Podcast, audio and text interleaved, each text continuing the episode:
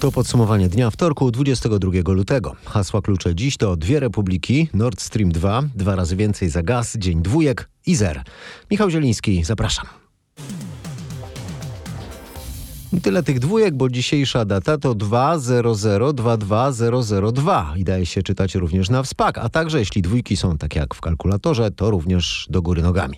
O numerologii i dzisiejszej dacie później zaczynamy od wydarzeń na wschodzie, które nabierają tempa. Wczoraj wieczorem Rosja uznała niepodległość położonych na wschodzie Ukrainy separatystycznych republik Donieckiej i Ługańskiej. I to, jak podkreśla jeden z ekspertów, z którymi rozmawiał nasz dziennikarz, e, oznacza, że Moskwa uznała suwerenność całych ukraińskich obwodów Donieckiego i Ługańskiego, a więc nie tylko terenów zajmowanych przez separatystów, ale też pozostałych ich części kontrolowanych przez ukraińską armię. Mówi o tym dr Jakub Olchowski z Instytutu Europy Środkowej UMCS w Lublinie. Doniecka Republika Ludowa, tak zwana, i Ługańska Republika Ludowa, to jest tylko, e, one zajmują fragment, tylko fragment, czy o, tylko część e, obszarów obwodu donieckiego i ługańskiego.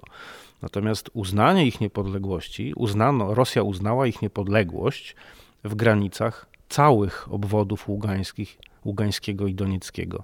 Tam stacjonuje armia ukraińska, dlatego że większa część tych obwodów jest jednak pod kontrolą Ukrainy.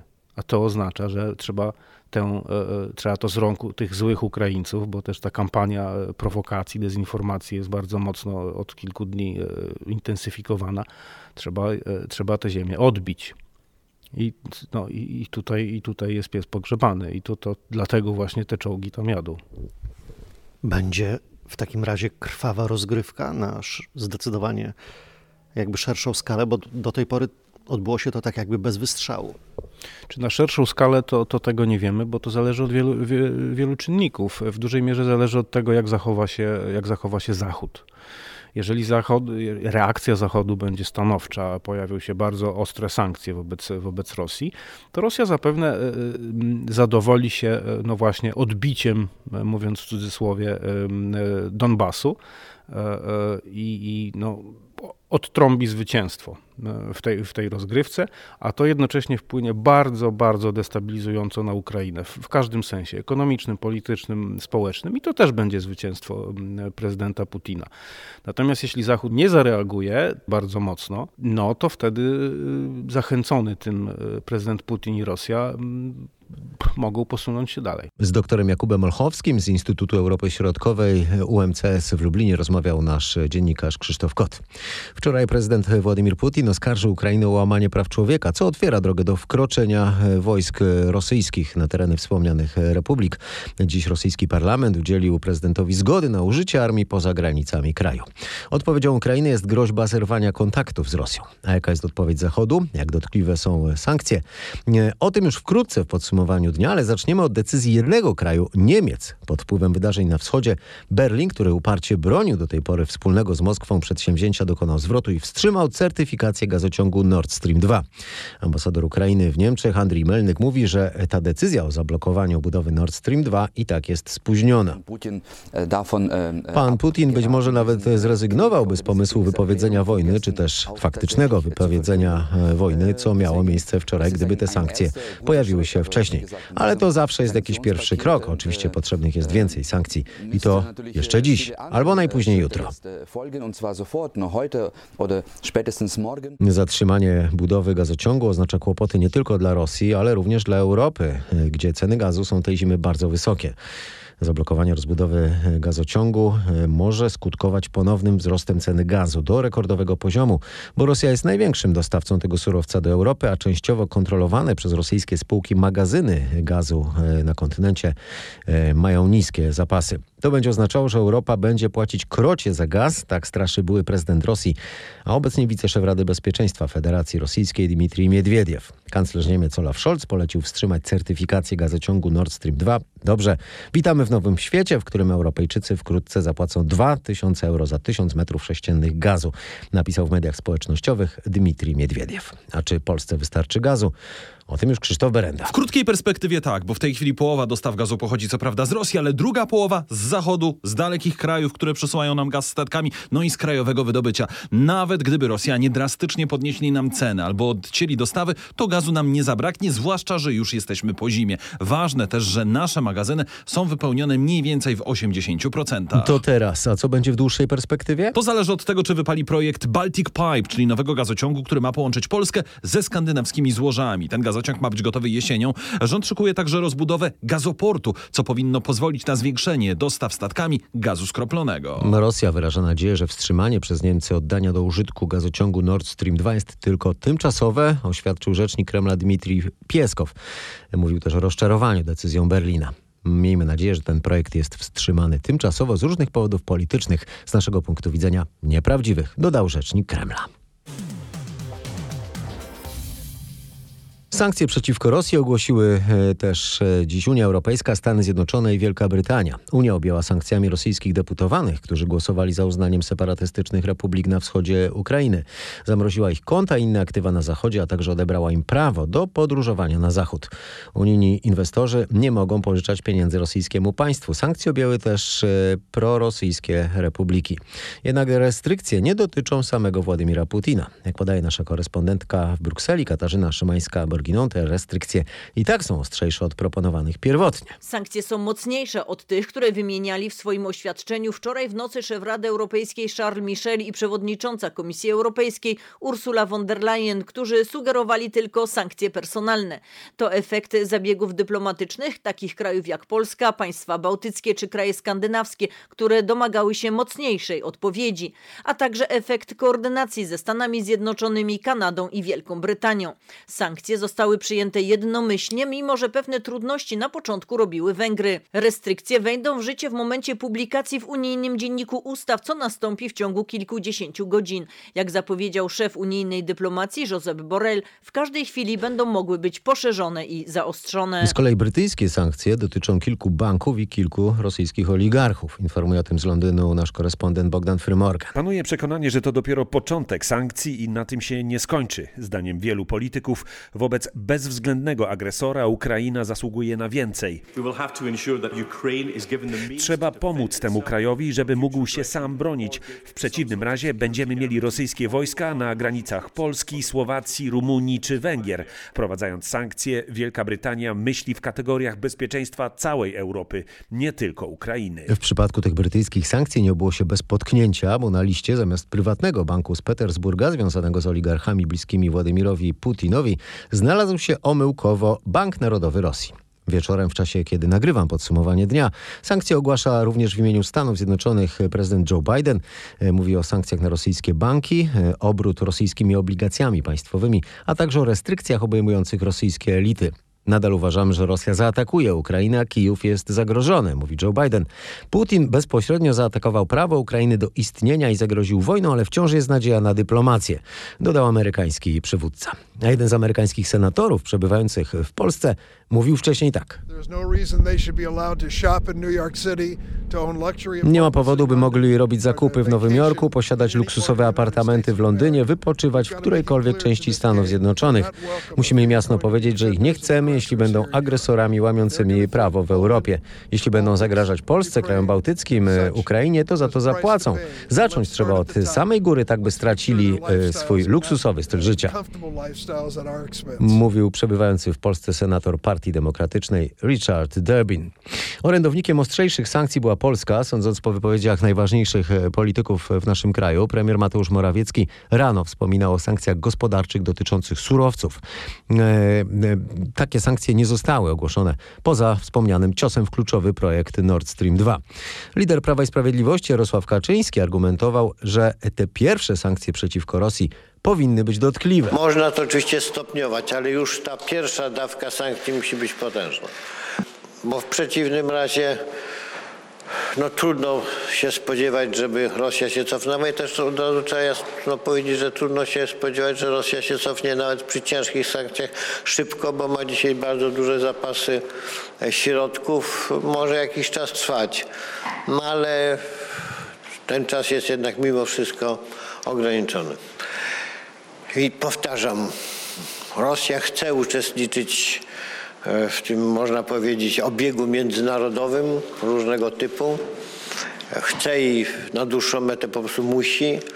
No i odcięcie jej od tego to będzie coś takiego, co z czasem na pewno mm, będzie musiało być wzięte przez władze rosyjskie pod uwagę.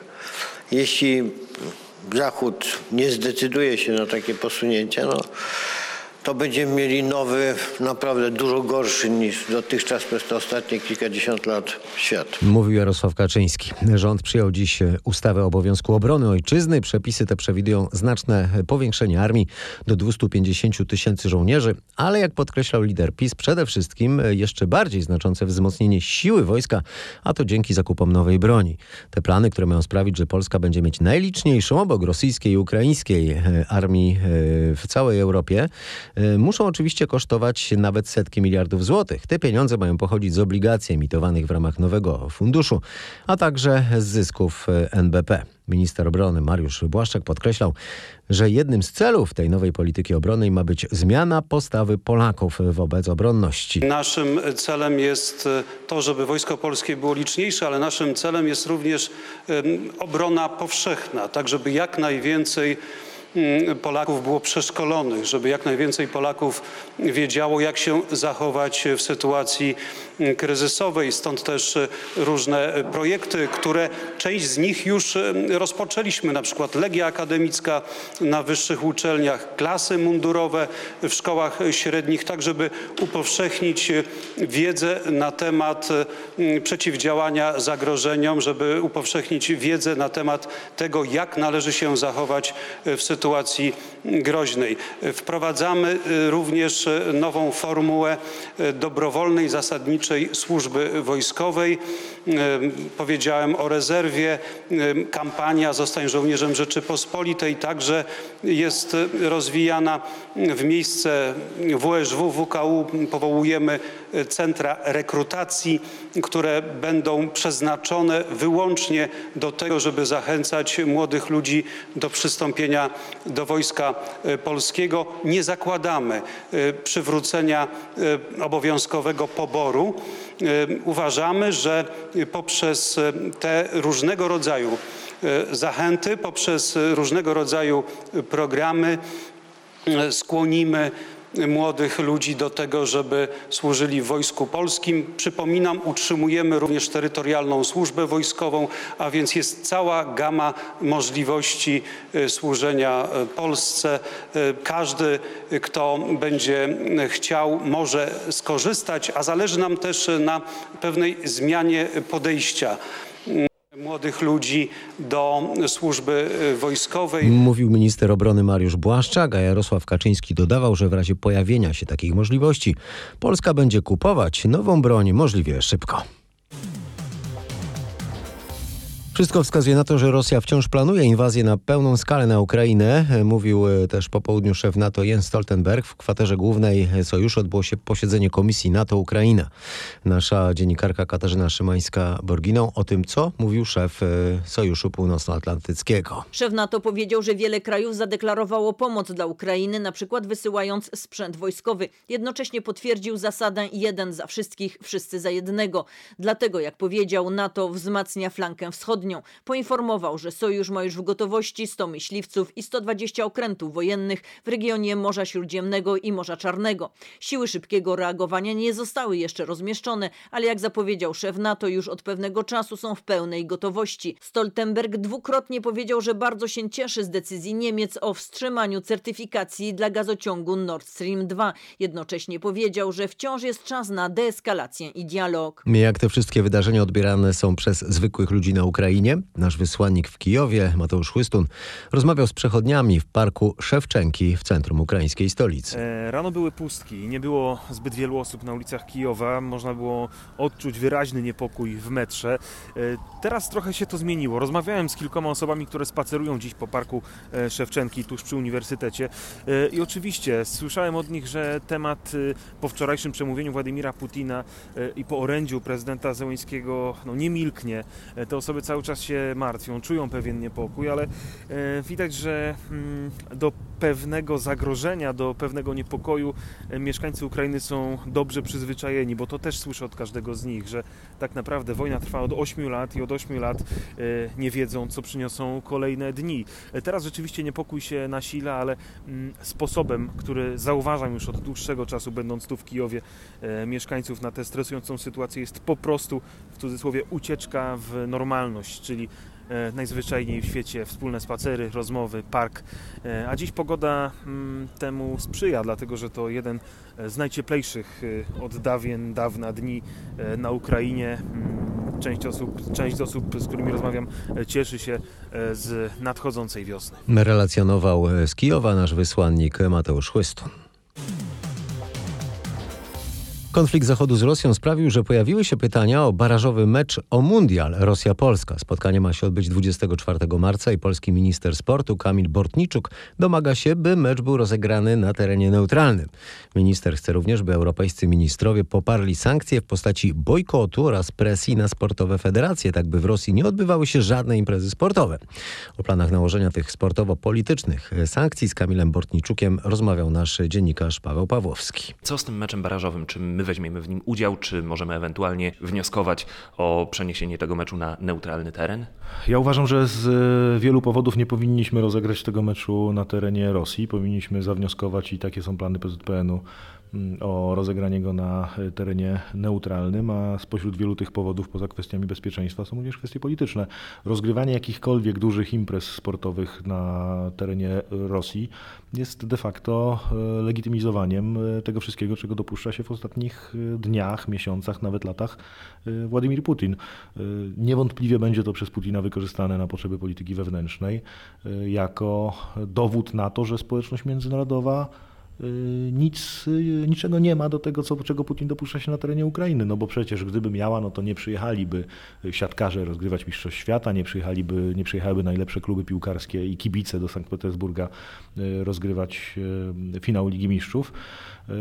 No a to wszystko wpływa również na sytuację polskiej reprezentacji, która uważam nie powinna pojechać do Rosji rozgrywać tego meczu, aczkolwiek ostateczna decyzja będzie zależała w tym zakresie do federacji. Mistrzostwa Świata w Rosji, jeśli by się nie odbyły, mówię o Mistrzostwach Mistrzostwach Świata Siatkarskich. Pan poinformował na Twitterze, że my jesteśmy gotowi. To ja jestem po rozmowie z premierem Mateuszem Morawieckim w zakresie e, gwarancji finansowych na organizację imprezy, jak i z prezesem Sebastianem Świderskim w zakresie możliwości technicznych, aby tę imprezę w tak krótkim terminie zorganizować.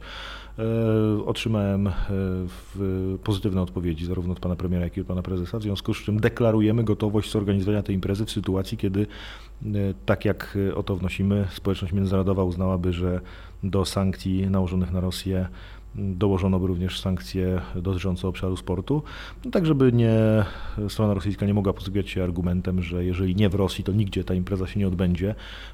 My jesteśmy gotowi tę imprezę w trybie awaryjnym przejąć i godnie zorganizować w Polsce. Mamy w tym zakresie doświadczenia. To jeszcze pytanie o to, czy ze, z Pana strony, ze strony Ministerstwa Sportu i Turystyki będą jakieś decyzje na poziomie polityczno-dyplomatycznym w sprawie tej sytuacji, jaka ma miejsce na linii Federacja Rosyjska-Ukraina? Tak, ja w ślad za tymi apelami, z którymi zwracam się się od samego rana dzisiaj e, do środowiska sportowego. Wystosuję e, najpóźniej jutro list do wszystkich ministrów sportu krajów Unii Europejskiej, w którym będę ich prosił o poparcie inicjatywy w zakresie objęcia Rosji sankcjami również w obszarze sportu. Z ministrem sportu Kamilem Bortniczukiem rozmawiał Paweł Pawłowski.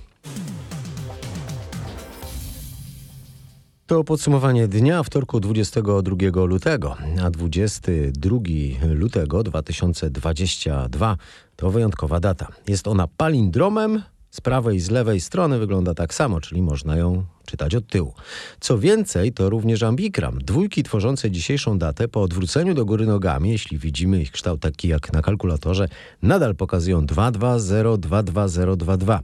Grafika utworzona kaligraficznie lub obrazowo w taki sposób, że po obróceniu całości można odczytać ten sam albo inny tekst, to właśnie ambigram. Daty takie jak dziś to bardzo rzadkie zjawisko. No palindrom to jeszcze nic, zdarza się co kilka lat, ale ambigram, taki jak dziś, ostatnio zdarzył się w dacie 11 stycznia 2011 roku. No i nie będzie już 33 marca 3033 roku, bo przecież marzec ma tylko 31 dni. Numerolog Jarosław Bondza skomentował dla nas, co wyjątkowego kryje się pod tymi dzisiejszymi licznymi dwójkami w kalendarzu. W numerologii wychodzimy z założenia, że każda wibracja, czyli każda liczba, każda cyfra, każda e, nawet litera w alfabecie posiada swoją specyficzną, mm, generuje pewne specyficzne e, fale, które się różnią od siebie. E, w związku z tym taka kumulacja, jak w dniu dzisiejszym, gdzie faktycznie występują same praktycznie dwójki i, i, i, i oczywiście zero, oznacza nagromadzenie się tej energii, specyficznej energii, którą reprezentuje właśnie ta wibracja o częstotliwości 2. I co ona oznacza? W praktyce przenosi się to na obszar relacji. Zawsze dwójka pojawia się w, wtedy, kiedy pojawia się na tapecie e, obszar związany z relacjami, z komunikacją, właśnie z tymi e, zagadnieniami, które e, dotyczą jakichś powiedzmy związków, ale też na przykład spraw urzędowych, wszystkich tych sytuacji, w których E, wymagana jest interakcja z drugim człowiekiem. Dwójka to jest zawsze e, we dwoje, a więc zawsze w relacji z kimś. E, także dzisiejszy dzień i był i jest jeszcze nadal bardzo korzystny na to, żeby przeprowadzić ważne rozmowy, na przykład w związku, tak, w jakiejś relacji osobistej, uporządkować tą relację, E, opowiedzieć coś e, o swoich oczekiwaniach, opowiedzieć o swoich odczuciach e, i usłyszeć też, co ma nam do powiedzenia druga strona. To był też doskonały dzień na to, żeby na przykład podjąć się jakichś spraw urzędowych załatwienia jakichś e, e, spraw, które, które właśnie gdzieś tam przekładaliśmy wcześniej, to dzisiaj był doskonały dzień na to, żeby do tego stanąć, na to popatrzeć i e, przyjrzeć się właśnie gdzieś w relacji z odpowiednim urzędem. Te, te, te sprawy dzisiejsze służą porządkowaniu też tak, pewnych obszarów, które gdzieś tam przesuwaliśmy sobie na, na jakiś późniejszy późniejszy termin, to dzisiaj jest doskonały dzień, żeby po prostu y, na to popatrzeć. Także mm, dwójka to jest zawsze dyplomacja, to jest zawsze takt, to jest zawsze uprzejmość. O dwójkach mówił numerolog Jarosław Bonza. Umowę z liczbą pełną zer podpisała piosenkarka Britney Spears. Dostała 15 milionów dolarów za napisanie autobiografii. Tak wynika z nieoficjalnych informacji amerykańskiego serwisu Page Six. Katarzyna Sobiechowska-Szuchta z redakcji kulturalnej e, informuje, że w autobiografii Britney Spears ma opisać kulisy e, swojej kariery, a także skomplikowane życie prywatne.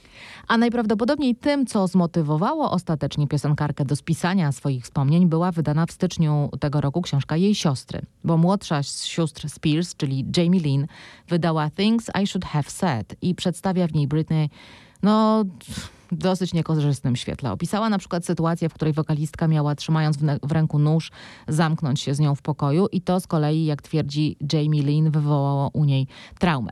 Swojej złości Britney Spears dała ostatnio wyraz w mediach społecznościowych. Po premierze tej książki y, książka jej siostry stała się bestsellerem, a Britney nazywa swoją siostrę, cytat, brutalny szumowiną. Po raz kolejny artystka zarzuciła swojej siostrze kłamstwa, no i zobaczymy jak to się skończy. Tyle o dwóch siostrach z Ameryki.